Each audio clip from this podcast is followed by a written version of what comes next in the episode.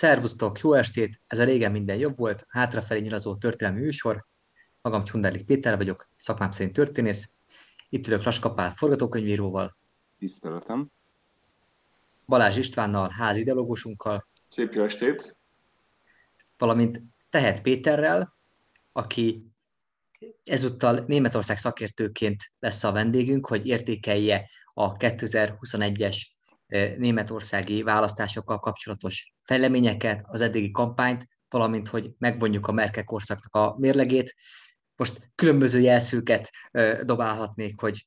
Péter lesz a mi Weyer Bélánk, ami Paul Lendvaink, ami Fejtő Ferencünk, de hát nem, hát önmagában egy brand korunk Karprausza, elképesztően élvezem és szeretem Péternek minden cikkét, tehát a, az éleslátás, a kimilletlen eh, elemzés keveredik egy olyan ironikus stílussal és látásmóddal, ami jellemzően hiányzik egyébként a fontoskodó elemzőknek a világában. Köszöntelek téged, Péter, hogy a Freiburgi és a Zürichi Egyetemről eh, eh, jelentkezel be most lényegében hozzánk. Én is köszöntöm a hallgatókat, nagyon köszönöm a Krauszhoz való hasonlítást, az igazán megtisztelő. Hát nagyon kevés ismerősöm van, aki egymaga képes lenne telérni egy lapot, mindig minden számot, úgyhogy a, a gasztronómia rovattól kezdve a keresztrejtféneken át, egyébként ugye az abszolút külpolitik elemzésekig minden cikket tudna szállítani, te egyike vagy köztük, úgyhogy ha én egy ilyen Tiszen, vagy Bosch, vagy Siemens örökös lennék egy hatalmas alapítvány, akkor garantáltan számíthatnál arra, hogy garantált életjáradékot kapnál, hogy elindítsad a saját lapodat és projektjeidet. Szerintem már visszatérünk rá. Kezdjük a Merkel korszaknak a, az értékelésével. Lehet, hogy egy merész párhuzam lesz, de azt hiszem egyébként a Bismarck idők óta nem volt ennyire prosperáló, békés időszaka Németországnak, és tulajdonképpen az elmúlt mondjuk két évtized arra példa, hogy micsoda óriási tévedése volt a német vezérkarnak és a militarista politikának korábban, amikor fegyverrel próbálták meg uralni Európát, hiszen az, ami két világháborúban nem sikerült a németeknek, jelesül, hogy abszolút európai hegemóniára tegyenek szert, az most megtörtént, ugye pusztán csak gazdasági erejüknél fogva Németország uralja Európát, és hát abszolút az Európai Uniának a vezető motorja, hatalma. Na most az a kérdés rögtön, hogy ebben a példátlan sikersztoriban, aztán persze mondhatjátok, hogy azért ez mégse ennyire egyértelműen sikertörténet. Ebben mekkora szerepe volt Merkelnek, a merkeli politika 16 évének, vagy önmagában, ugye, hogy Széchenyi István vágta Baknak a képébe, hogy ez pusztán csak a kor volt az, ami megteremtette ezt a prosperitást, és Merkel pedig élvezte ezt a szerencsés időszakot. Hát ugye prosperáló időszakok voltak azért még máskor is a német második világháború utáni történelemben, tehát ugye az 50-es éveket is tekinthetjük ennek, hát végül is ugye akkor épült föl az ország, akkor köteleződött el a, a nyugati integráció felé, ugye ez Konrad Adenauernak a nagy műve, aki még abba is belement, hogy az oroszok, a szovjetek felajánlották neki, hogy esetleg legyen egyesülés, azzal a feltétellel, hogy Németország semleges maradjon, és Adenauer inkább úgy döntött, hogy egy nyugati orientációjú, akár kisebb Németországot szeretne. Ebben vélhetően szerepet játszotta az is, hogy ő egy kölni ember, tehát nagyon nem hiányzott neki Berlin. Tehát az 50-es évek is azért felívelő korszak, ugye a Wirtschaftswunder, maga a gazdasági csodák jelenik meg, a 70-es évek egy másik, ugye amikor a szociálliberális koalíció révén Németország társadalmilag is ö, ö, megnyílik, ugye az 50-es évek még egy eléggé konzervatív az NDK-hoz képest, aztán különösképpen nagyon-nagyon lehet azt mondani, reakciós társadalompolitikával bírt. És a, az tény is való, hogy az újraegyesülés után azonban nem történt meg rögtön az, amit ugye nagyon sokan tartottak. Ugye az újraegyesülést azért ellenezte London meg Párizs, mert attól tartottak, hogy itt rögtön megszületik a negyedik birodalom, és nem tudom én, németek fegyverkeznek, mert valóban a saját logikájuk szerint gondolkodtak, a németeknél ez bizonyos értelemben a második világháborús veresség, meg a, abból való történelmi tanulság is. Nem a politika áll az előtérbe, és pláne nem egy militarista politika, hanem inkább a lassú építkezés, és inkább egy gazdasági alapon történő hegemon szerep kialakulása, ami azonban nem a újraegyesülés után történt meg, hanem ahogy te is mondod, sokkal inkább a Merkeli időszakra tehető, de nem azért, mert Merkel ezt feltétlenül megcélozta és jól véghez vitte, hanem valóban addigra értve nagyon sok minden. Hát egyrészt addigra értve az újraegyesülés is, az, az is egy társadalmilag egy elég hosszú folyamat volt, amíg ez a két rész valamelyest összekapcsolódott. Illetőleg nem szabad elfelejteni, hogy a 90-es években ugye Németország még kifejezetten gazdaságilag egy problematikus országnak számított, de a 2000-es évek elején is mondjuk az Economist Európa beteg írt Németországról, és ekkor jött ugye Gerhard Schröder, szociáldemokrata kancellár, ahogy ugye hívták őt viccesen az elvtársak főnöke, Bosszedegen az, ez ugye németül jobban kijön, tehát a, az elvtársaknak olyan értelemben főnöke, mint a vállalati igaz, tehát az elvtársak vállalati igazgatója, hiszen ő egy neoliberális, nagyon brutális egyébként, valóban nagyon-nagyon brutális munkaerőpiaci, szociális reforma, gyakorlatilag leépítésekkel, a munkaerőpiac flexibilizálásával, azonban annak az alapját tényleg megteremtette, hogy jelentősen lecsökkent a munkanélküliség, be tudott indulni egy gazdasági fejlődés, és ezt végül is Merkel aratta jobban le. Az Európai Egység kapcsán pedig úgymond Helmut Kohl kezdte meg, tehát az euró végigverése, ugye ez Kohlnak volt a nagy vágya, hogy, hogy mindenképpen legyen egy közös európai valuta, noha a tanácsadói azt mondták neki, hogy ez gazdaságilag nem fog kifizetődni, Kohl azt mondta, hogy nem, politikailag erre szükség van, és azt nem tudjuk, hogy politikailag szükség van-e a közös európai valutára, de azt láthatjuk, hogy a németek számára azért ez elég jól kifizetődött hiszen Németországnak ma van egy alapvetően gyengébb valutája, ugye, hogyha lenne egy német márka, az valószínűleg olyan lenne, mint a svájci frank, tehát egy erősebb valuta lenne. A Németországnak van egy gyengébb valutája, és ezzel tud exportvilághatalommá válni, hiszen Németország Kína után a második legfőbb exportőrország az egész világban, ami azért egy jelentős teljesítmény, egy és idézőjelben mondva csak 80 milliós országtól, sokkal nagyobb az export tevékenysége, mint Indiának, Japánnak, vagy az Egyesült Államoknak. Ezt az euró teremtette meg, de itt is ugye az a kérdés, hogy emögött volt egy tudatos stratégia, tehát a németek hegemónia szerepre törtek, vagy egyszerűen azt lehet mondani, hogy a német precizitás, de egyben lassúság, az meghozta ezt a gyümölcsöt, amelyet sem az angolok, sem a franciák a maguk túlságosan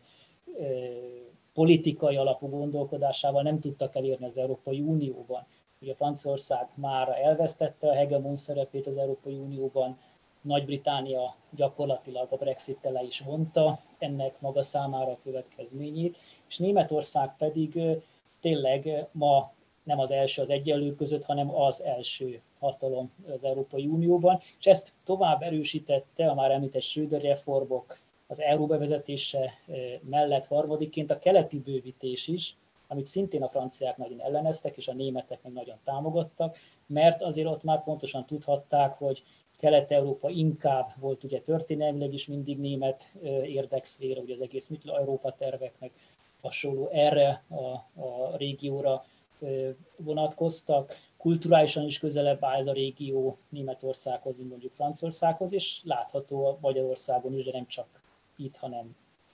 Szlovákiában és Lengyelországban is amúgy, hogy egyfajta a német gazdaság hátsó udvaraként, összeszerelő műhelyeként tud működni, tehát a németek ügyesen úgy tudták kiszervezni olcsó munkaerő felé az iparukat,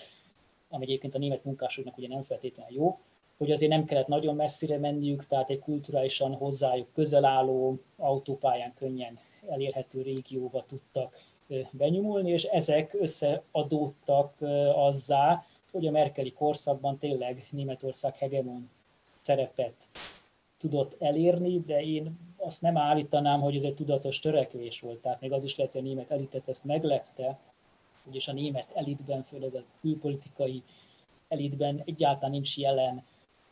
az a jellegű történeti eh, gondolkodás, ami mondjuk a francia diplomáciát meghatározza, tehát tényleg nem hiszem, hogy a németek ezt kiszámolták, hogy hogyan tudnak ők újra hegemónok lenni. Ők egyszerűen a gazdaságot tartják fontosabbnak, mint a, politikát, és ennek révén tudtak ilyen vezető szerepre jutni. De ott is látható, hogy a vezető szerep azért nem azt jelenti, hogy,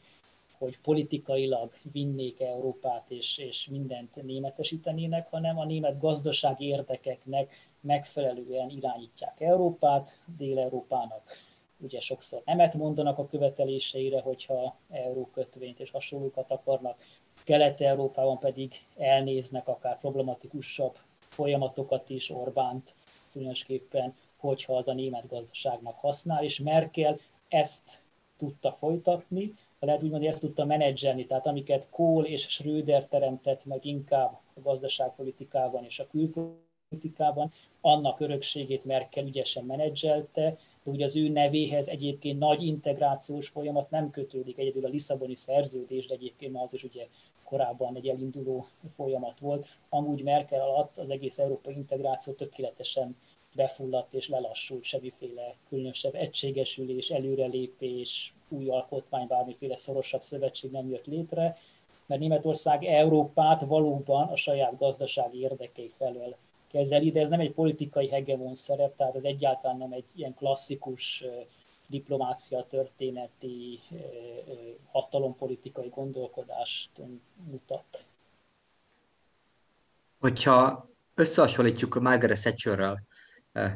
az Angela Merkelt, és a két szereplőt, akkor lehet vonni hasonlóságokat, párhuzamokat, vagy esetleg éles különbségeket látunk. Tehát a Margaret Thatcher-t még mindig egy sokkal karakteresebb politikusnak érzem. Tehát önmagában az, hogy a Margaret thatcher ugye lehetett gyűlölni. Tehát ugye a Thatcher, a Milk Snatcher, tehát ugye az igazi gonosz banya, aki megszünteti az iskolatáját, ugye például gyakorlatilag ezzel indul a politikai karrierje, aki azért nagyon éles nemzetközi konfliktusokba vonódik bele, akiről ugye a kultusza vagy a legendája szerint ugye az a hírt jár, hogy ő volt ugye az egyetlen férfi a kormányában. Tehát, hogyha Margaret Thatcherre szembe, szembeállítjuk az Angela Merkelt, akkor az Angela Merkel miként, miként lehet megragadni Merkel politikai karakterét? Lehet érte rajongani? Mert az az igazság, hogy nagyon sokan rajongtak egyébként érte éppenséggel mondjuk Magyarországon, akik Merkeltől várták, hogy majd megállítja Orbán Viktor, ahányszor Budapesten jár, és persze ez nem következett be.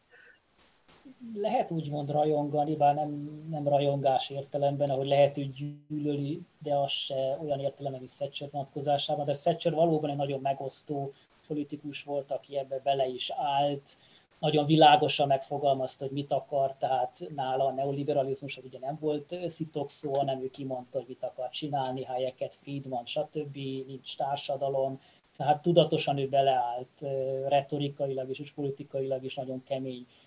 konfliktusokba. Merkel ez egyáltalán nem jellemző, tehát elég nehéz lenne leírni Merkel politikai filozófiáját. Ő egy kereszténydemokrata pártban politizál,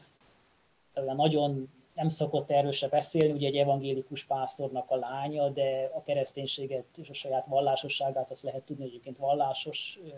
politikusról van szó, azt egy magánügynek tartja, ami nem tartozik a közéletre. Jó, szónak, jó szónoknak se lehet nevezni. Van egyfajta ironikus, szikár, északias humora, de jó szónoknak egyáltalán nem lehet nevezni, tehát ő inkább egy, egy olyan személy, akik, akik rajongtak, azok épp azért rajongtak, mert ezt a tökéletes centrumpolitikát testesíti meg, egyfajta opportunizmust is, ugye Merkelre jellemző az, hogy nagyon ügyesen tud, nem radikálisan, hanem nagyon ügyesen, mint egy folyó be, bekebelezni szigetként bizonyos ügyeket más pártoktól. Ugye ne felejtsük el, hogy a atomenergiát Angela Merkel szüntette meg, ugye elrendelve a az atomerőművek lekapcsolását, Merkel alatt vezették be a minimálbért, noha a szociáldemokraták követelték, de mégis ő vezette be. Tehát nagyon sok kérdésben Merkel a pártját is úgy mozgatta, ami most arra kicsit problematikusnak is látszik a párt számára, hogy ideológilag nehéz el, behatárolni. Tehát azt lehet mondani, hogy egy struktúra konzervatív centrista, nagyon erősen pragmatikus párt, egyfajta menedzsment szemléletű párt, ami azt mondja, hogy nem kellenek nagy víziók, ugye Merkelnek a nagy mondás, hogy akinek víziói vannak, az menjen orvoshoz. Ezt egyébként Helmut Schmidt mondta korábban, de ezt mindig idézi, hogy a politikában nem kellenek nagy víziók, nem kellenek nagy tervek, tehát nem olyan, mint a Thatcher, hogy valamit hihetetlen gyorsan, huszárvágással beleállva konfliktusokat, konfliktusokban megváltoztatna, hanem azt mondja, hogy a lassú lépésekkel elég mindig csak a következő célt magunk előtt látni, és azt elérni, azt tudom mondani, hogy a Sichtfahren, tehát hogy nem tudom mi magyarul, amikor, amikor az hát ember úgy... Táblati, táv, táblati nem, víziókkal rendelkezni, előre látni, nem? Nem, nem, a Sichtfahren az, amikor úgy vezetsz autót, ugye nagyon ködös az idő, hogy csak, csak úgy addig látsz, az orrodig látsz előre, és úgy vezeted az autót. Ez az Aufsichtfahren. És e, ezt a, ezt a kifejezést szokta mindig használni, hogy a politika az erről szól, hogy nem beletaposni a gázba, és mintha tudnánk, hogy mi a cél, hanem, hanem az út az úgy, ahogy adott, tehát egyfajta defetizmus is jellemző, hogy igen, vannak problémák, amelyek jönnek, ezekre reagálni kell, és akkor lassan-lassan mindig azért a féke rajta tartva persze a lábunkat, menni előre, és hogyha jön valami akadály, akkor kicsit a kormányt jobbra vagy balra el kell húzni, de igazából nem tudjuk, hogy hova, hova tartunk, az út maga a cél, tehát mondjuk lehet, hogy ez a, ez a merkeli politikának ilyen koelhúi összefoglaló, de mondom, ebben sokan magukra találtak, tehát Németországban volt egyfajta rajongás iránta. Az, hogy a CDU most ennyire összeesett, miközben korábban választásokat nyert meg, az egyértelműen azt mutatja, hogy a folyamatosan örökké lebecsült Merkel személye igenis egy húzónév volt. Egyébként, hogyha a felmérések szerint, ha Merkel lenne a CDU listavezetője, akkor megint magasan megnyernék. Továbbra is Merkel a legmagasabban népszerű politikus a németek között, mert eleve a németekre jellemző ez a konszenzus keresés. Tehát a német politikát eleve nem jellemzi az a polarizáció, ami a brit politikát vagy a francia politikát, hanem ott a pártok nagyon-nagyon együttműködnek egymással, ennek hagyománya van, eleve azért is, mert mert nem, nem blokkokban gondolkodnak, tehát nem két blokk van, hanem ezek a pártok tartományi szinten például akár úgy működnek együtt, hogy ahol ellenzékben van az egyik, ott a másik kormányon van, tehát Németországon belül mindenfajta koalíció van, még olyan is van, ahol a kommunista linkét támogatja a CDU kívülről, például Türingiában, de mindenféle liberálisok, zöldekkel, zöldek, szociáldemokratákkal, szociáldemokraták, kereszténydemokratákkal, zöldek, kereszténydemokratákkal, tehát mindenféle együttműködés van, és ezt a német társadalom kedveli ezt a konszenzusra törekvést, ami révén persze a pártok nagy része, most az AFD meg a Linke kivételével inkább a centrumban vannak, és nem is olyan élesen megkülönböztethetők, mint mondjuk egy francia elnök választáson, ahol tudjuk, hogy a Marine Le Pen az ezt akarja, a Macron meg teljesen mást. Egy német kancellári vita az fogalmazunk úgy, hogy dögunalmas, tehát nüansznyi különbségeket talán észre lehet venni a jelöltek között, és Merkel ennek a, lehet azt mondani, ennek a korszellemnek volt a, a kifejeződése, hogy nem beleállni vitákba, nem beleállni konfliktusokba, hanem egyrészt hagyni a társadalmi folyamatokat, és amikor már azok nagyon ránk borulnak, vagy nagyon ránk nőnek, akkor valamit lépni. Ugye egyedül a menekült kérdés volt az 2015-ben, amikor Merkeltől szokatlanul hozott egy váratlan döntést, és akkor aztán meg is indult ellene a gyűlölet hadjárat Németországon belül is, de ez az egyetlen egy pont a politikájában, amikor hirtelen hozott egy radikális lépést a menekültek beengedésével, ami egyébként szintén ellentétes volt önmagával, mert még 15 tavaszán maga mondta el egy, egy síró palesztin kislánynak, hogy nem engedhetünk be mindenkit, és hát sajnos vissza kell majd mennetek. Hát ez nagyon fontos, mert ha én eh, mindjárt megkérdezem Pistit és Palit, hogy el tudnának-e ők képzelni egy Merkel filmet, és hogyha el tudnának képzelni, akkor annak a Merkel életrajzi filmnek lenne egyébként nézője, de ha tegyük fel, hogy van, akkor biztos ez lenne az egyik központja. Tehát, Ö, egészen biztos. Szerintem, szerintem nem, lenne, nem lehetne egy nézhető filmet csinálni, ugyanis hiányoznak pontosan azok a konfliktusok, amit a Péter is itten fel, felsorolt, hogy egy abszolút egy ilyen a hajó folyamatos kiegyensúlyozottságára törekvő politikát folytatott, tehát nem igazán voltak, talán a menekült konfliktus volt egyedül az a, az a leginkább látványos az a pár hónap, amire esetleg föl lehetne fűzni egy ilyen történetet. Egyébként és kérdezni is akartam a Pétert az előbb, és jó, hogy be is hoztad a menekült problémát. Ugye nagyon sokszor... Igen, csak röviden megegyezni, hogy, hogy készült Merkelről film, pont ezt a pár hónapot a menekült kérdést Igen, tehát... dolgozza föl. Erről készült egy, egy, egy játékfilm, mert valóban itt, itt, itt lehet érzelmeket, meg, meg igen, igen, drámát, drámát.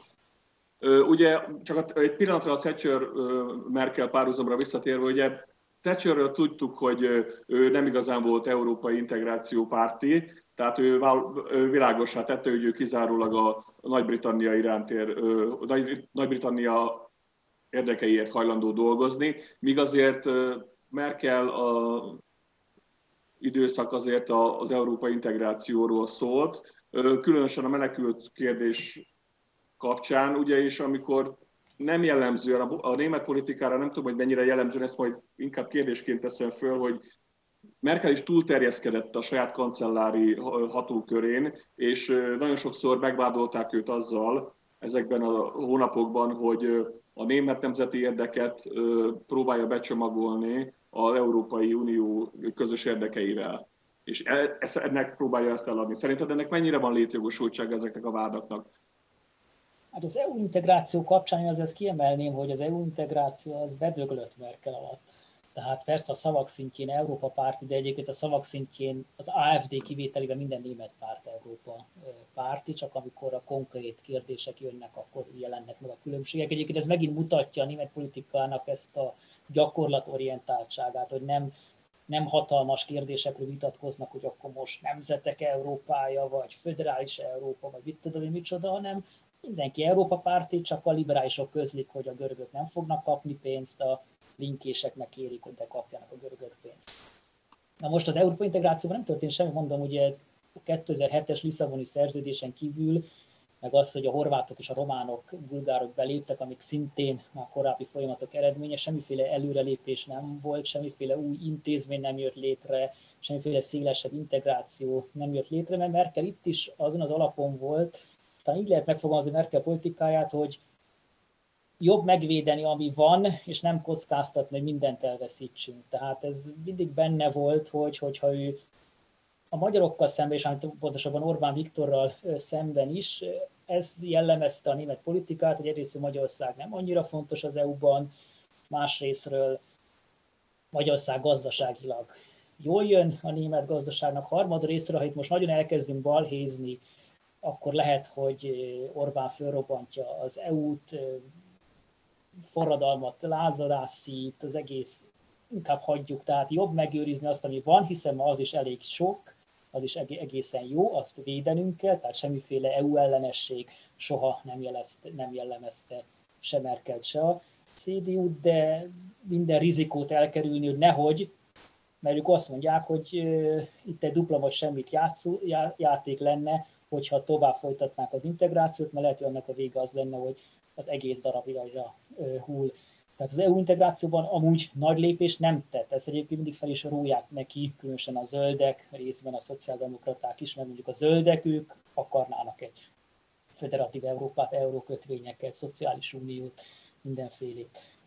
A másik a kancellári hatáskörök, ugye Németország az mégis azért egy kancellári súlypontú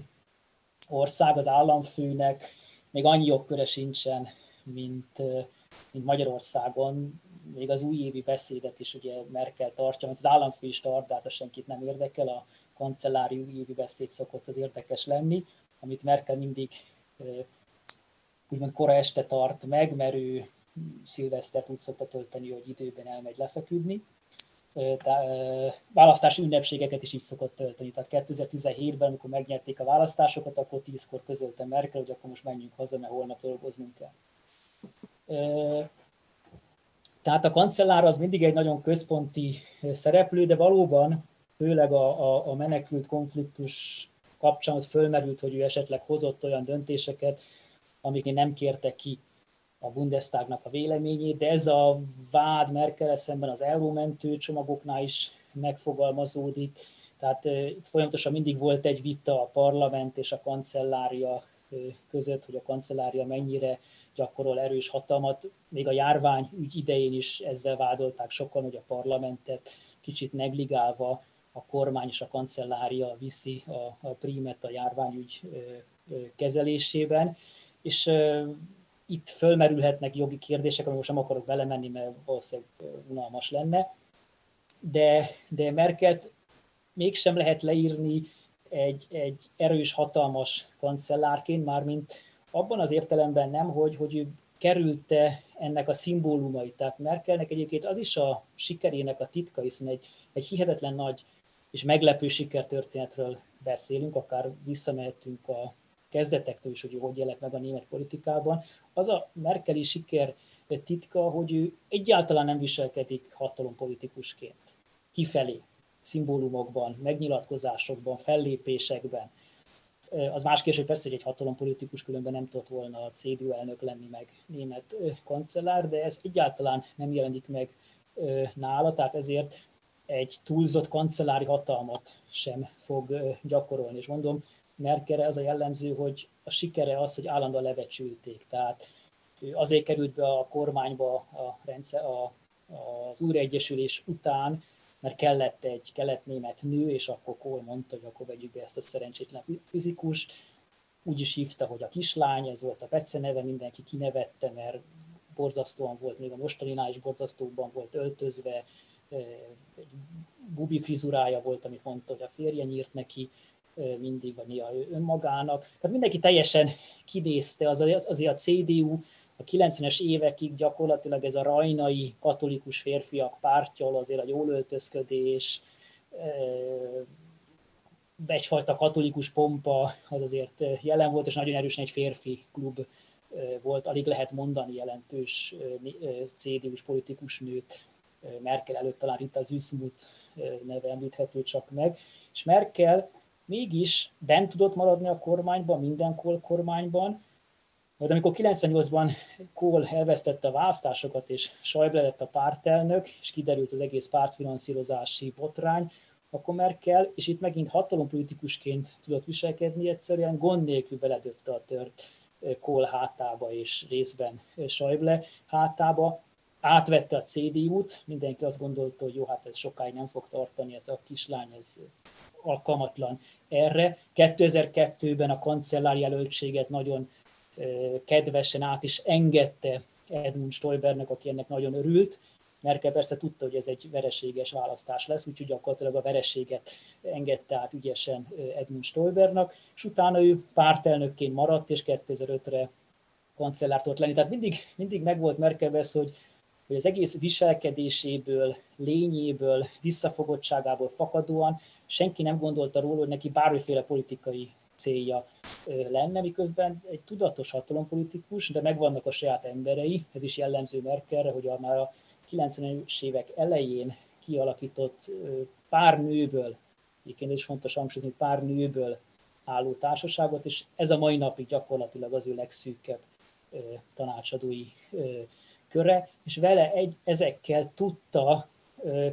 a CDU-t, egy férfi klubot átvenni, és Németországot is átvenni, és 16 évig kancellár lenni, és talán a merkeli örökség az nem egy nagy hatalompolitikai változás, hanem egy hanem Merkel kancellársága eleve a német társadalmat nagyon sok tekintetben megváltoztatta, hogy egy nő lett a kancellár, hogy a CDU-t teljesen már nem lehet egy, egy ilyen katolikus férfi klubnak tartani, de Merkel mindezt, mindezt ezt is nagyon ügyesen, nem kimondva, semmiféle ideológiai vitába nem beleállva tudta megvalósítani. Nem tudom, hogy ez válasz a kérdésre. Igen, abszolút, köszönöm. Itt Merkel fölmerült a kérdés, hogy hatalomtechnikus-e, és milyen hatalompolitikus. Hát önmagában az, hogy mennyire nincsen utódja a Merkelnek, azt jelenti, hogy ő nagyon jó hatalomtechnikus, abban a szempontból sikeresen írta ki a potenciális riválisait és az erős embereket a pártban az elmúlt húsz évben, hiszen azok, akiket, akik utódként jelentkeztek, vagy azokat, akiket utódként kijelölt, tehát elképesztően súlytalanok. Ugye ez a Annegret Kramp-Karrenbauer ugye megbukott két év alatt, aki a kijelölt utódja volt Angela Merkelnek, és hát nem nagyon látunk olyan igazi erős embereket. Ugye, aki most a, a CDU-CSU pártszövetségben jelentkezett volna, hát ugye a CSU-nak a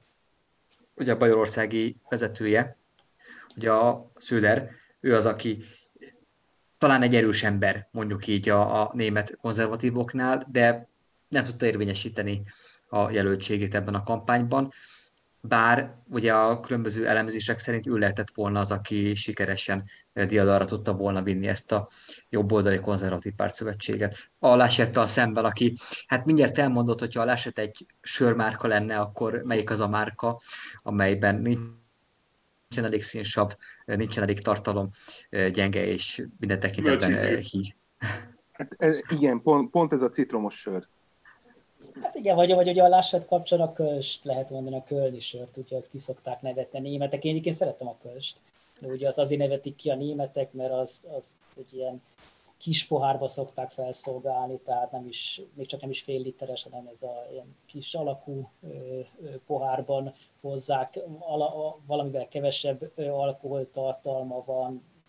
könnyebben lehet inni, mert inkább, tehát nem nincs egy erős sör, és különösképpen erős alkoholos hatása. Mondom, én szerettem a kölcs, de azt Kölnön kívül mindenütt illik kinevetni. Tehát... Sörpucsot nem azzal kell majd szervezni. Igen, igen, tehát ott mondjuk a sörpucsot inkább ez olyan egy literes bajor korsokkal egyszerűbb lehet szervezni, azokat dobálni is célszerűbb egy forradalom idején, egy ilyen köls pohárral nem sokat lehet elérni, csak akit megdobok, nem is történik vele semmi baj. És a köls az is illik, ugye Lássethoz, mert ugye Ácheni, tehát nem olyan nagyon messze Kölntől, meg eleve annak a tartománynak a miniszterelnöke. De még ahhoz, amit Péter mondott,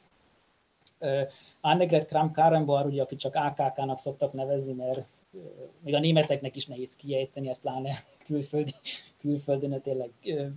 szerintem ez is lehetett kancellár, mert, mert ezt nem, nem tudták volna franciák megoldani, vagy más nemzetek ezt a problémát. Most AKK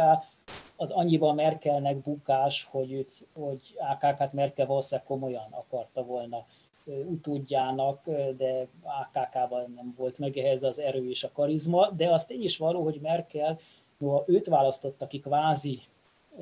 utódjának 18-ban, gond nélkül nyúlt át a feje fölött, és gyakorlatilag szégyenítette meg és váltotta ezzel le. Ugye csak röviden elmondva az történt, hogy 20 elején Türingiában ott megválasztottak egy liberális miniszterelnöknek, a liberálisok a legkisebb párt Türingiában, de elindítottak a parlamentben, felállítottak egy miniszterelnök jelöltet, és azért tudták megválasztani, mert nem csak a CDU és a liberálisok szavaztak rá, hanem kiderült, hogy az AFD-sek is oda szavaztak. Most Németországban az AFD-vel szemben valóban van egy nagyon erős egészségügyi fal, tehát még egy ilyen külső támogatás se tud a CDU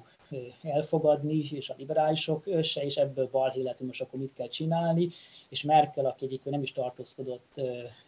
Németországban éppen akkor, és nem is volt a CDU-nak ugye már az elnöke, egyszerűen maga vette kézbe az ügyeket, és lerendezte, hogy akkor ezt a koalíciót, ezt mindenki felejtse el, és AKK-t ezzel gyakorlatilag megszégyenítette rá pár napra át, ő le is mondott, bejelentette a lemondását, de AKK azért eredetileg valóban Merkel utódja kellett volna, hogy legyen. Merkel inkább férfiakkal számolt le, ezekkel az erős, katolikus, nyugatnémet férfiakkal, Roland Kochal, ugye Hessennek volt a miniszterelnöke, és szeretett volna Kohl után akár kancelláris lenni, egy nagyon keményen konzervatív, akár az idegen ellenességig is konzervatív politikus, ma már senki a nevét sem nagyon ismeri, teljesen ki tudta szorítani a pártból. Leszámolt gyakorlatilag Edmund Stoiberrel is, amikor kedvesen átengedte neki a választási vereség lehetőségét 2002-ben. Leszámolt azért alapvetően Wolfgang Schäublével is, hiszen 98 és 2000 között Schäuble volt a pártelnök, csak rá azért valamilyen értelemben szüksége volt, de azért Merkel és Schäuble között nem volt túl jó, és ma sem túl jó a viszony. Illetőleg azzal a Friedrich Merzer is leszámolt, aki most megpróbált ugye kétszer is visszajönni pártelnökként, és mindkét esetben ugye elbukott. Ugye Merz is azok között volt, akik Kohl után szerették volna átvenni a pártot, és egy katolikus, nagyon jó módú nyugatnémet férfi, tehát minden adott volt, hogy ő legyen a CDU-ban a, a vezérkos, és Merkel hihetetlen ügyesen őt is kiszorította. Tehát ez, ez jellemző a politikájára. Lehet, hogy ez most bizonyos értelemben megbosszulja magát, hogy nem maradtak igazából erős, kemény, konzervatív férfiak a, a CDU-ban, hanem ilyen Laschet jellegűek maradtak, mert Laschettel már valóban jobb a viszonya Merkel, Merkelnek, tehát lehet, hogy támogatja, bár tegyük hozzá, hogy Laschettet is megalázta Merkel, még pedig a választási kampányban, amikor a járványügyi szabályok kapcsán Laschet azt mondta, hogy ő ezeket nem kívánja mindent betartani, vagy legalábbis kritizálta, akkor Merkel gyakorlatilag mindegy tanárnő leszólt neki, hogy ez fejezze be és hülyeségeket beszél. Tehát Merkelben ez elképzelhető, van egyfajta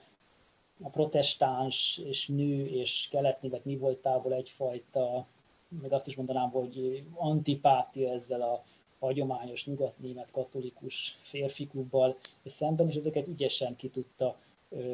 szorítani a, a pártból, de az tény is való, hogy, hogy egy hatalmas űrt hagy maga után. Tehát amennyire Merkel nem egy, nem egy kemény szikla, nem egy hatalompolitikus, ahogy mondtam, inkább egy ilyen folyóhoz hasonlít, csak már ez a folyó gyakorlatilag minden részében a CDU-nak ott volt, és, és kisodort minden más. Ez a, ez a folyó még más pártokba is átért, Merkel majdnem tönkretette a liberálisokat, majdnem padlóra vitte az SPD-t, nem véletlenül az SPD csak most tud újra magához, talál, magához térni, amikor már igazából nincsen Merkel, és Merkel az, hogy visszavonul, tengerként visszahúzódik, hogy tovább fokozzam ezt a teljesen idióta párhuz, ezt a metaforát, akkor a CDU az, az tényleg egyfajta kiszáradt tengerparkként van ott. Hát vagy egy ilyen iszapos. Igen, igen egy iszapos, iszapos igen, igen. Ö, és, és egyébként mennyiben lehet párhuzamot vonni mondjuk a Kohl féle 16 év, és mondjuk a Merkel féle 16 év között, amikor ugye hát amikor Kohl ugye belekeveredett ebbe a pártfinanszírozási botrányba, akkor nagyon úgy nézett ki, hogy azért ez mind a párton, mind a potenciális szavazókon azért meglátszik ennek a hatása, hogy itt nagyon egy, egyhamar különösebb kihívó nem lesz, és végül ebből a harcból mégis a Merkel jött ki, ahogy te is mondtad, teljesen outsiderként kvázi, hogy ez, ez a két, kétszer 16 év, ez mennyiben összehasonlítható, különösen annyi, annak a fényében, hogy azért korra, mint egy ilyen mentorra mindig is feltekintett a Merkel. Igen, bár ugye állítólag a Kohl az utolsó időszakában már nem igazán kedvelte Merkelt, bár mondjuk az utolsó időszakában Kohl leginkább azokat kedvelte, akiket az új fiatal felesége kedvelt, ugye teljesen már nem egészen szellemi teljében lévő Kolt, a felesége eléggé elzárta a külvilágtól, ugye Orbánik is azért találtak utat Kohlhoz, mert a új feleségéhez találtak gyakorlatilag utat. De Kohl és Merkel között is így megromlott a kapcsolat, Merkel nem is szokta magát így párhuzamba állítani Kollal, és a két időszak is azért más, tehát Kohl alatt mégiscsak megtörtént az újraegyesülés, ezt tőle nem lehet elvenni, hogy ő az újraegyesülés kancellárja, még akkor is, egyébként Kohl szintén úgy indult el, hogy senki nem jósolt neki nagy jövőt, tehát egy gyakorlatilag a nyugatnél politikában egy provinciális bunkónak tartották Kolt már a 70-es években is többször megpróbált kancellár lenni, csak 82-ben sikerült neki, amikor mindenki azt mondta, hogy ez a barom nem fog hosszú ideig maradni egy Helmut Schmidtel és kifinomult szociáldemokratákkal szemben, aztán végül mégis lett az újraegyesülés kancellárja 16 éven át. Merkelhez nem köthető egy ilyen erős momentum, tehát a menekült válság az egyetlen, de az ugye nem mint egy örökség, hanem mint egy problematikus momentum, de egy ilyen erős ügy nem köthető a nevéhez, tehát ez mindenképp egy különbség. Egyébként az első olyan kancellár is Merkel, akinél nincs meg ez az erős. Tehát Adenauernál ugye a nyugati orientáció, Ludwig Erhardnál a gazdasági csoda, a, a Willy Brandtnál a társadalmi nyitás, ugyanúgy a, a Helmut Schmidtnél is, Kohlnál az újraegyesülés, Schrödernél ezek a nagy gazdasági, szociális reformok, és Merkel kapcsán igazából nem lehet megmondani, hogy azon kívül, hogy a boltot jól összetartotta, és vitte tovább, és népszerű volt, és minden működött, azon kívül nem lehet tudni, hogy mi az a nagy szó, ami az ő kancellárságához kapcsolódik. Lehet, hogy majd az eltűnése után fogjuk tudni ezt megmondani. Tehát, hogy amikor már nem lesz kancellár, amikor már, amikor már tényleg teljesen visszavonul a politikától, akkor fogjuk talán meghatározni, vagy megérteni, hogy mi lehetett ez a Merkel titok, és mi az, ami a Merkel korszakot jellemezte a hiányának, a későbbi hiányának aztán a fényében. De ugye az is különbség Kollal szemben, hogy Kohl úgy távozott 16 év után, hogy a választók leváltották, tehát úgymond kínosan távozott, és utána aztán meg egy pártfinanszírozási botrányba is belekeveredett. Merkel, ez megint egy nagyon elegáns lehet azt mondani, Merkeles távozás, hogy ő 18-ban megmondta, hogy először a CDU elnökséget adja le, többet nem akar elindulni, pedig még akár meg is nyerhette volna ezt a választást, és ő visszavonul, és ezt ki is nézem belőle, hogy valóban ő vissza fog vonulni, tehát nem hiszem, hogy ő, ő majd turnézni fog, és nem tudom én,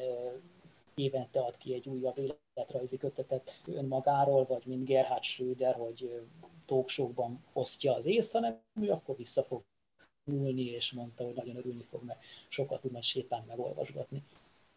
Kicsit a szociáldemokratákról, akik most arra a választás egyik esélyesévé, vagy az esélyesévé léptek elő, ugye ebben nem csak a hittek volna, akár csak néhány hónappal ezelőtt. Most a szociáldemokraták, ugye az SPD, hát két legendás pártelnök örökségét szenvedte el és súlyától szenvedett. Az egyik az említett Merkel, aki sikeresen integrálta és tette, mint egy ilyen CDU-s politikává, vagy egy ilyen merkeli politikává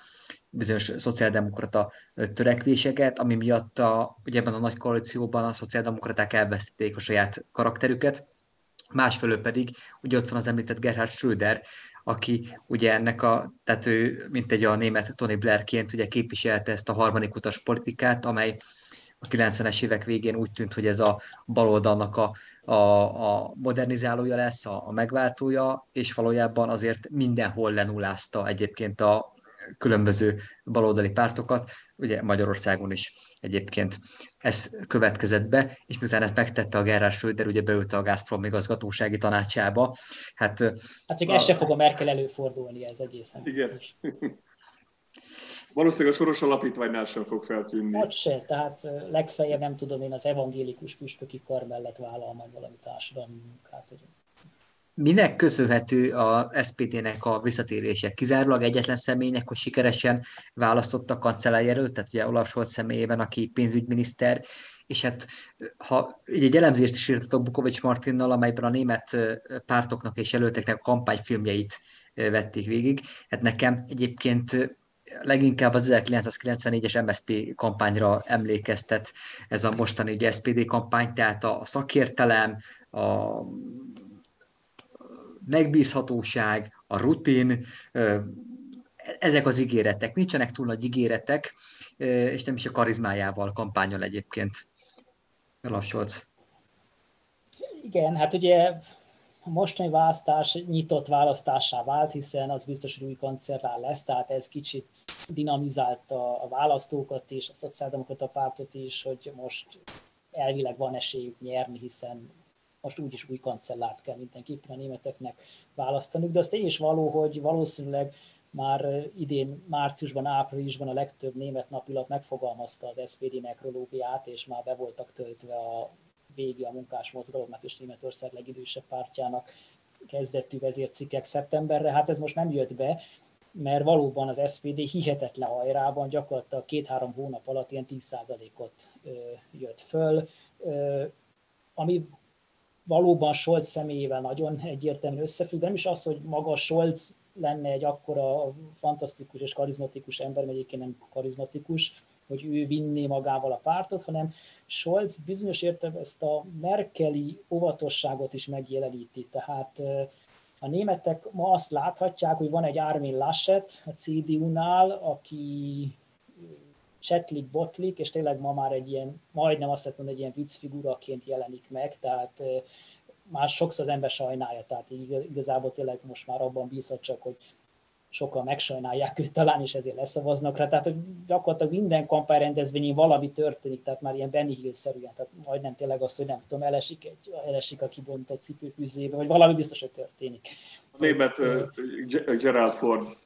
Körülbelül, tehát, tehát tényleg mindenütt valami történik. Ugye emlékezetes, hogy most, amikor volt ez nagy, nagy árvíz, akkor háttérbe állt és ott röhögött, ami teljesen er, természetes dolog, meg ugye eleve a, kölni karneváloknak nagy résztvevője, tehát van egy ilyen rajnai, humorosabb, kedvesebb stílusa, de ez is valóban elég rosszul jött be, és számos más dolog is van Laschet kapcsolatban, miatt egyre komolytalanabb jelöltként jelenik meg. A másik oldalon pedig ott vannak a zöldek. Ugye hosszú ideig úgy nézett ki, hogy hát ha nem a CDU, akkor majd a zöldek jönnek, ami aztán tényleg egy nagy változás lett volna, hogy a zöldek adnak egy kancellárt, Annalena Baerbock személyében egy 41 éves, a német politikában alapvetően fiatalnak, fiatalosnak számító, modern nő, nagyon lendületes javaslatokkal, egységesebb Európát, még több klímapolitikát, nagyon sok szigorítással megszüntetni a belföldi légi közlekedést, tempólimitet bevezetni az autópályán, ami értelmszerűen a németeknél egy hatalmas szentségtörés. Tehát egy ilyen, ilyen javaslatcsomaggal állt elő, és azt lehetett gondolni, hogy hát itt tényleg majd két világ csap össze a, a konzervatív CDU, ami csak a stabilitást ígéri, semmi mást, meg a zöldek, akik azt mondják, hogy na, a Merkeli 16 év után most már azért kicsit gyorsuljunk be, és ne csak a, a, kicsit lépjünk rá a gázra. És az derült ki, hogy a németek ezt se akarják, tehát ő meg kicsit megijedtek, főleg attól, hogy a zöldek gazdasági politikája talán túl ökológiai, talán a gazdaságnak ártott, és ettől megijedtek, viszont azért akarnak változást, látva Laschetet is, és ebben a kettőségben Scholz nagyon ügyesen tud előre jutni, éppen ezzel az ígérettel, hogy igen, Péternek a hasonlata nagyon jó ezzel a hongyulai kampány, hogy igen, ő a szaki, ő ért hozzá, ő már volt hamburgi polgármester, ő már volt munkaügyi miniszter, ő most pénzügyminiszter, ő kezelte az egész járvány helyzet alatt ugye a Kurzarbeitgeldet, meg a hasonló kérdéseket, alkancellár, tehát mögötte ott van a, az apparátus, a, a felkészültség, nem ilyen zöldfülű zöldek, de azért nem is a, a folytassuk mindent úgy, ahogy, ahogy eddig a Merkel csinálta, csak most már Merkel nélkül jellegű CDU, hanem ő most itt van, hogy anpacken, ugye ez is a jelszava, hogy megcsináljuk, megfogjuk, kézbe vesszük, és, és erre Scholz alkalmas, de ő is nagyon kerüli az ideológiai vitákat, és eleve az SPD-nek a jobb oldalán helyezkedik. Ugye nagyon sajátos, hogy Scholz korábban szeretett volna az SPD elnöke lenni, és ott nem választották meg. Tehát volt is ez a vicc, hogy a, az SPD azt mondja, hogy elnöknek ugyan nem jó, de kancellárnak talán még jó. Az SPD nem választotta meg őt elnöknek, egy sokkal balosabb vezetést választott, csak az a balos vezetés szintén belátta, hogyha az SPD egy nagyon balos politikával indul el, ugyanarra a sorsra jutnak, mint a zöldek, hogy a németek megijednek, tőlük túl radikális változásokat látnak, és ezért a Scholz az, aki egyszerre ígér valamiféle változást, de azért, azért stabilitást, és közben pedig tudja mondani, hogy ő ért is hozzá, ő egy szaki. Mit vársz a választások eredményétől? Ugye most először lépett föl ugye három kancellár jelölt, tehát hogy valamelyik a három nagy párt közül. Ugye a közvéleménykutatások szerint valószínűleg a szociáldemokraták nyerhetnek, de ez egyáltalán nem garancia arra, hogy a szociáldemokrata lesz a kancellár. Ugye a különböző koalíciós tárgyalások miatt és a különböző lehetséges koalíciós összetételek miatt. Ugye te írtál egy cikket és egy elemzést arról, hogy valószínű, hogy itt a liberálisok lehetnek a, a királycsinálók ebben a helyzetben. Igen, hát ha a papírforma érvényes, és azért a németeknek közvélemény kutatások általában leszokták jól tükrözni az eredményeket, akkor ugye az SPD a 25-26 százalékra tud befutni, CDU olyan 20-22-23 százalékra, a zöldek nagyon visszaestek, ilyen 15-16-17 százalék van csak benne, tehát már a 20 százalékot se fogják elérni. Ami azért tegyük hozzá, hogy nagy eredmény, tehát azért az, hogy egy zöld pár 17 százalékot kap azért az önmagában, egy nagy szó, csak hát ők kancellárt akartak volna adni, és nem a harmadik helyezettek lenni. És ott van a negyedik helyezett liberális párt, a Christian Lindner vezette szabaddemokraták, akik valóban királycsinálóvá válhatnak. Mert az egészen biztos, hogy nagy koalíció nem lesz, ez azért ezt mindenki unja, ezt a CDU-SPD összefogást, még az is lehet, hogy a nagy koalíciónak nem is lenne egyébként se többsége már. Tehát egy hármas koalícióra lesz szükség, és itt két lehetőség van, de mind a kettőben a liberálisok ott vannak, és gyakorlatilag ezért ők döntik el. Az egyik az, hogy Laschet csinál CDU-val, CSU-val, zöldekkel és a liberálisokkal egy közös koalíciót, ezt Jamaika koalíciónak hívják Németországban a pártok színei alapján, vagy pedig Scholz csinál egy koalíciót, egy szociálliberális koalíciót a szozdemekkel, zöldekkel és a liberálisok, és hát hogy látszik, itt a liberálisok dönthetik el, hogy ki mellé állnak be, és nincs sehol előírva, tehát tényleg se alkotmányban, se sehol nincs előírva, hogy a győztes pártnak kell adni a, kancellárt. Németországban még az sincsen, hogy az államfő fölkéri a kancellár jelöltet, tehát ezért mondom, az államfőnek semmi szerepe nincsen, mert Németországban az van, hogy aki úgy érzi, hogy neki összejött a kormány többség, az benyújt egy kormányprogramot, aztán ha megszavazzák, akkor ő a kancellár. Most ezért elképzelhető, hogy ha Laschet még egy nagyon rossz 20%-os eredménnyel végez, akkor se tud Scholz kormányt alakítani, ha mondjuk a liberálisok olyan kemény feltételeket szabnának neki, amit már a szociálisok nem tudnak arcvesztés nélkül elvállalni. Ebben az esetben a Linner azt tudja elérni, hogy végső soron Laschettet teheti meg kancellárrá, a zöldeken pedig az érződik, hogy ők végső soron bárki mellé beállnak. A lényeg az, hogy most már végre juthassanak 2005 után újra a kormányzati pozícióhoz, tehát hogyha ha Linner nagyon, nagyon makacskodik, és semmi áron nem áll bele egy szociálliberális kormányba, akkor a zöldek valószínűleg végül hajlani fognak arra, hogy jó, akkor legyen egy, egy konzervatív, zöld, liberális kormány. Most meg kell említeni egy harmadik opciót is, amiről, aminek most már nem csak matematikai, hanem politikai esélye is van, az egy szintisztán baloldali kormány. Tehát a Scholz, hát a szocdemek, a zöldek és a linke. Ez is elképzelhető lett volna még akár pár hónapja, de most már egy ilyen kormánynak is lenne parlamenti többsége.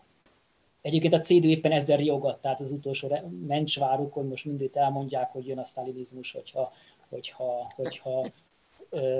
hogyha győz a, Scholz, és itt visszaáll az NDK. De ez azért annyira nem harc, tehát kicsit röhelyesnek hatnak ezek a kiszólások. Itt inkább arról lehet szó, hogy a szociáldemokraták se állnak le szívesen a linkével, Scholz pláne nem. Nem is a szociális politika terén, mert ott egyébként majdnem egyet is tudnak érteni, hanem a külpolitikában olyan éles különbségek vannak, hogy ha Linke abból nem enged, akkor nem lehet ilyen kormány. A Linke a NATO feloszlatását akarja, gyakorlatilag a Bundeswehrt is feloszlatná, Oroszországgal közös katonai szövetséget szeretne, tehát egy nagyon erős Moszkva párti, Washington ellenes, NATO ellenes politika jellemzi a, linkét. Most ebbe egyetlen egy berlini kormány, egy szociáldemokrata kancellár sem mehet bele, hogy Németország kiszáll a NATO-ba és oda az oroszok mellé. Tehát, hogyha Linke ezen a téren nem enged, és azért a Linkében valóban vannak azért elég kemény ortodox moszkoviták is, még a régi NDK-s pártelitből, de a nyugati szélsőbalról is, ha Link ebből nem enged, akkor, akkor ez a balos kormány ez, ez semmiképpen nem tud létrejönni, de még ha enged is, akkor is azért sokan azt mondják, hogy Scholz, ki mondom, inkább egy ilyen centrista, szociáldemokrata utat visz, azért nem túlságosan szívesen szeretne a linkével együttműködni, tehát megint oda jutottunk ki, hogy a liberálisok dönthetik el, hogy Laschet vagy Scholz lesz a kancellár. Tegyük hozzá, hogy a német liberálisok az ugye ez nem, nem az, amit Magyarországon szoktunk az alatt érteni. Igen, itt gondolkoztam, hogy mi lehet a megfelelő történet, analogia és hirtelen Palotás János és a vállalkozók pártja jutott egyébként eszembe a 90-es évekből. Tehát itt azért, amikor, amikor a német szabaddemokratákra gondolunk, akkor nem mondjuk 90-es években a ISDS-re, tehát nem, nem Kis János szelleme az, ami előkerül, hanem te nemes egyszerűséggel ugye... A, Egy csokornyakkendő. Yeah, te, te, te limuzin és szivarpárként tehát azonosítottad ugye a hát német igen, tehát a, a, az FTP, egyébként ez is saját, hogy az FTP az nem, a, nem, tehát nem egy nagyvárosi liberális értelmiségi párt, tehát hogyha valahol az FDP nem erős, az valószínűleg a nagyvárosok, és a, és a nem tudom én, a szociológia tanszékeken nem erős. Ugye az SDS a szociológia tanszékeken erős volt, az FDP az biztos, hogy egy darab ember a szociológia tanszékeken az FDP-re nem szavaz. Az FDP-nek a bázisa az a kis és közép középvárosok jómódú polgársága, akik annyira jómódúak, hogy azt mondják, hogy nekik az egyház se ugasson bele az ő életükbe, tehát ezért nem a CDU-ra szavaznak, és alapvetően az FDP-nek a fő programja az, hogy adókat csökkenteni, csökkenteni, csökkenteni, és persze a liberális párt, tehát azért van emberjogi részük is, meg adatvédelmi, minden más dologban is mozognak, meg meleg házasságot is támogatták, ugye ez most már van a németeknél, de azért senki nem a melegházasság miatt szavaz az FDP-re, hanem az FDP-re az emberek azért szavaznak, hogy na, itt van egy párt, amely végre csökkenteni fogja az adókat. Ugye, ugye, ugye, még annyit, hogy ugye itt a futottak még kategóriában itt van a, az AFD, amit ugye a magyar, jobboldali magyar nyilvánosságban a jövő nagy német pártjaként igyekeztek bevezetni, aztán nagyjából... Hát meg, ugye, a... meg ugye az MTV-án szoktak megszólalni a politikusai, mint Ném, Németország utca embere. És úgy, igen, és úgy nagyjából a Jobbiknak a pályaívét sikerült most arra fölvenni, tehát egy ilyen bőven zuhanó fázisban, tehát már akik régen túl vannak azon a zeniten, amit, amit ők képesek voltak elérni. Annyiban nem jobbik, hogy nem mérséklődtek, sőt inkább radikalizálódtak. Ugye az AFD az 13-ban jött létre, úgy is hívták, hogy professzorok pártja, tehát közgazdász professzorok alapították, alapvetően az euró ellen. Hogy ne legyen eurómentő csomag, de ha lehet, akkor még lépjen is ki Németország az euróvezetből. És egy teljesen professzoros párt volt, tehát tényleg közgazdász professzorok hozták létre. Most ez azért nem szokott olyan nagyon jól hatni a, a tömegekre, amikor közgazdász professzorok alapítanak pártot. És aztán nekik ugye a menekült válság hozta meg az új témát, ahol végre kinyithattak olyan témák felé is, ami már azért hoz szavazót is, hát az idegen ellenesség, és akkor erre aztán minden más rakódott le a tradicionális családpolitika, a nacionalizmus és minden egyéb.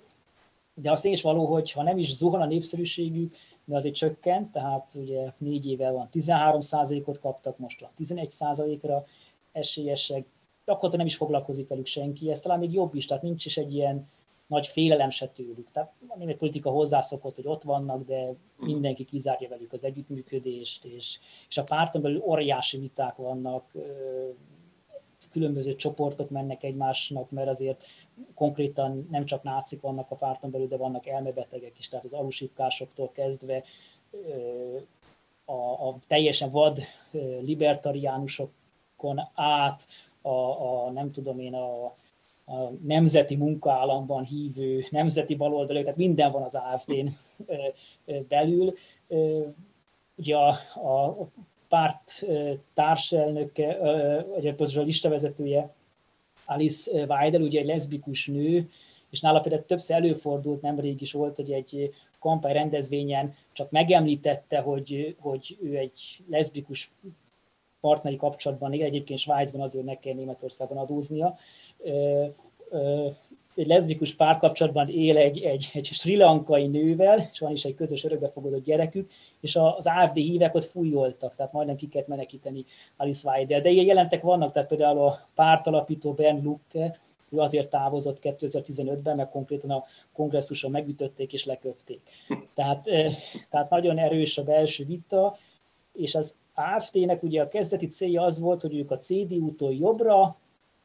de azért egy polgári erőként, tehát kvázi egy régi CDU legyenek. Tehát akiknek ez a Merkeli út kicsit sok, és szeretnék vissza ezt a, ezt a katolikus férfi klubot, na azoknak legyen az AFD,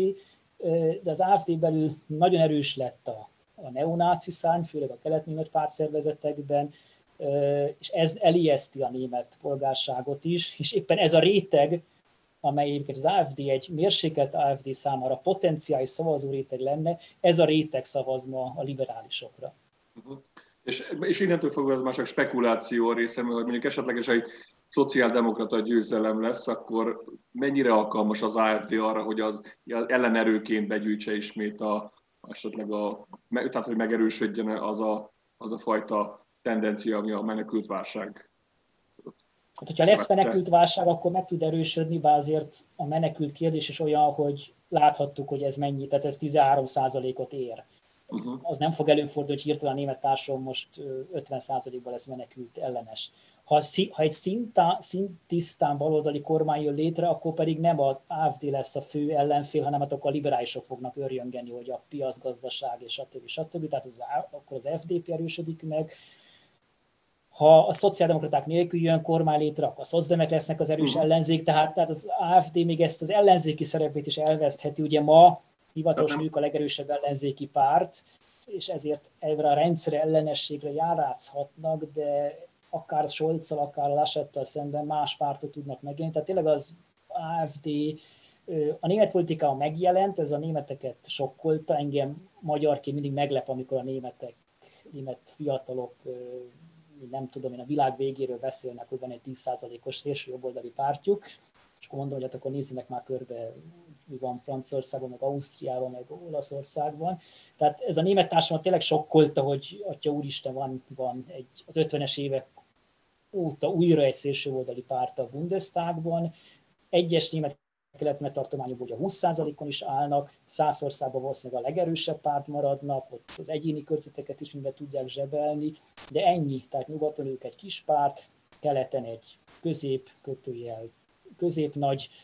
pár, de mivel mindenki kizárja velük való együttműködés, uh-huh. és a párt teljesen kaotikus, és nincs karizmatikus vezetője, tehát nincs egy, nincs egy Marine Le Pen, vagy, vagy nincs egy uh, Georgia Meloni, tehát nincs egy karizmatikus vezetőjük, uh, beszélni is nagyon tudnak, mert vagy professzorosan beszélnek, vagy primitíven, ezért túl nagy potenciál ezen a 10-12 százalékon túl nincs az AFD-ben. Péter, és akkor így a műsorunk végéhez közeledve vállalkoznál arra, hogy esetleg megjósolod, hogy szerinted mi lesz a választás végeredménye, és milyen koalícióra számíthatunk? És az mit jelent mondjuk Magyarország szempontjából? Tehát, hogyha abból indulunk ki, hogy bármi is a végeredmény, a liberálisok lesznek a királycsinálók, akiket, akiket úgy írtál le, hogy ők azok, akik nagyon felvilágosodottak, nagyon progresszívek, elkötelezettek a liberális értékek mellett, mindaddig, amíg ez egy ugye semmilyen német adó pénzbe nem kerül. Tehát azért a, a, hogyha a Montesquieu és a pénztárcájuk között kell választani, akkor határozottan, hogy a pénztárcájukat választják, akkor mi, mi, mire számíthatunk? Egy jóslatot én szerintem az SPD be fog futni elsőnek, tehát az valószínű. Hát ugye most úgymond kockáztatni akarnék, és aztán ha kiderül, nem mondok igazat, akkor én megkockáztatnám azt is, hogy nem az SPD fog kormányt alakítani, hanem összejön ez a konzervatív, zöld, liberális összefogás. Ehhez az kell, hogy a liberálisok nagyon-nagyon keményen mondják azt, hogy Scholz-szal semmiképp. Ez ellen szól csak az, hogy megint visszatér, hogy a német politikát mondom jellemzi ez a konszenzus, a törekvés, és a német választóknál rosszul jönne be, ha itt az, AFD, ah, itt az FDP elkezdene keménykedni. Tehát a keménykedő politika az a német választóknál nem, nem hoz szavazatot, nem hoz népszerűséget. Tehát inkább azt tudom mondani, hogy olyan kormány lesz, amiben valószínűleg ott lesz az FDP, Ugye Christian Linner azt mondta, hogy mindegy, hogy ki a kancellár, ő lesz a pénzügyminiszter, és ez a fontos és az pedig hát Németországon belül se fog egy nagy változást hozni, mert, mert akkor az SPD nem tudom, hogy hogyan akar bármilyen szociális politikát végrehajtani, hogyha egy liberális a pénzügyminiszter mellette. Az Európa politikában, meg különösen a Magyarország vonatkozásban meg szintén valóban erről van szó, hogy, hogy az FDP szavak szintjén természetesen, hogy Európa párt és európai zászlót lobogtatnak, és stb., de azt mindig közlik, hogy eurókötvény nem, szociális unió nem, transferunió nem, már ezt a hitelfelvételt se támogatták, és, és stb. És a, ha meg Magyarország adókedvezményt ad a német gazdaságnak, akkor azt meg tessék megköszönni, és udvariasan viselkedjünk akkor velük. Tehát Magyarország vonatkozásában azt lehet mondani, hogy egyrészt ugye ez Magyarországon mindig úgy néz ki, mintha fontos ország lenne Németországban, tehát egyáltalán nem így van a kampányban, föl nem merült Magyarország. Tehát azért Kaczynszkiról beszéltek, Putyinról beszéltek, nyugat-európai országokról beszéltek, Magyarország nem téma a német választási kampányban, se pro, se kontra. Érdekes odon az AFD-s jelölt vetette föl egyszer Magyarországot negatív kontextusban, mert mert az AFD-nek a programjában benne van, hogy ki kell lépni az Európai Unióból, bár a lista vezetője nem ért, ezzel, ért, egyet ezzel. ez is mutatja az AFD állapotát. Nem is az a lényeg, hanem ez benne van a programjukból, hogy ki kell lépni az Európai Unióból, és a, egy riporter megkérdezte az AFD listavezetőjét, hogy ez egy olyan radikális követelés, hogy ilyet még Orbán Viktor sem mond Magyarországon. És az volt a válasz, hogy ja persze neki megéri, hiszen, hiszen Orbán Viktor a mi pénzünkből él. Tehát mondom, az egyetlen egy felmerülés Orbán Viktor kapcsán az AFD-nek egy ilyen finom kritikája, hogy a magyarok az EU pénzéből élnek, amúgy ez nem téma, és igazán változás csak akkor lett volna, hogyha zöld a kancellár. Ma a zöldek, ők tényleg ők, ők tematizálják például nagyon erősen azt, hogy a Orbáni rendszer és a német autóipar hogyan fonódik össze, de ezt csak a zöldek szokták, a szociáldemokraták se beszélnek soha büdös szót, ezt a zöldek felszokták azért vetni néha-néha. Tehát, hogyha egy zöld lett volna a kancellár, akkor az jelentett volna változást. Most valószínűleg zöld lesz a külügyminiszter, hiszen második erőként ők szokták adni a külügyminisztert. Ez lehet, egy kicsit dinamikusabbá teheti a német külpolitikát, de ugye eddig is egy szozdem volt a, a német külügyminiszter is azért nem üzent hadat Berlin Budapestnek. és valóban ott van az FDP, amely a német gazdasági érdekeket képviseli, és azért tegyük hozzá az FDP kapcsolatban, bármennyire a Momentumnak a testvérpártja, hát azért nagyon erősen ők kötődnek a Fideszhez is, még továbbra is. Ugye Nikola Bér, a szabad demokratáknak az európai parlamenti listavezetője volt, és Nikola Bert a mondjuk hogy az Orbán kormányjal nagyon jó viszonyban lévő ügyvéd férjével egy Balogh Zoltán nevezetű lelkész adta össze Budapesten a Hold utcában, és Nikola Bér, az FDP meghatározó európai politikusa nagyon jó viszonyban van ezzel a Balogh Zoltán féle fideszes körre, tehát ott se várható azért olyan nagy változás. A jogállamiságot persze fogják hangsúlyozni, de éppen a liberálisok jelenléte miatt azt lehet mondani, hogy mind a német belpolitikában, mind a német EU politikában, Magyarország politikában nem várható nagy változás. Még akkor sem, hogyha a Linke ott lenne, hiszen a Linke meg ugye orosz párti, tehát ők még ott akár még hát azért biztos, hogy nem fognak balhézni, hogyha Fudán Egyetem jön, vagy hogyha Paksot megépítik. Köszönjük szépen tehát Péternek, hogy a vendégünk volt. Ez volt a régen minden jobb volt. Köszönjük. Csundáli Péter, Balázs István, Laska Pál, és a mi külföldi tudósítónk a Freiburgi, illetve a Zürichi Egyetemről. Köszönjük szépen. Szervusztok. Köszönjük szépen. Szervusztok.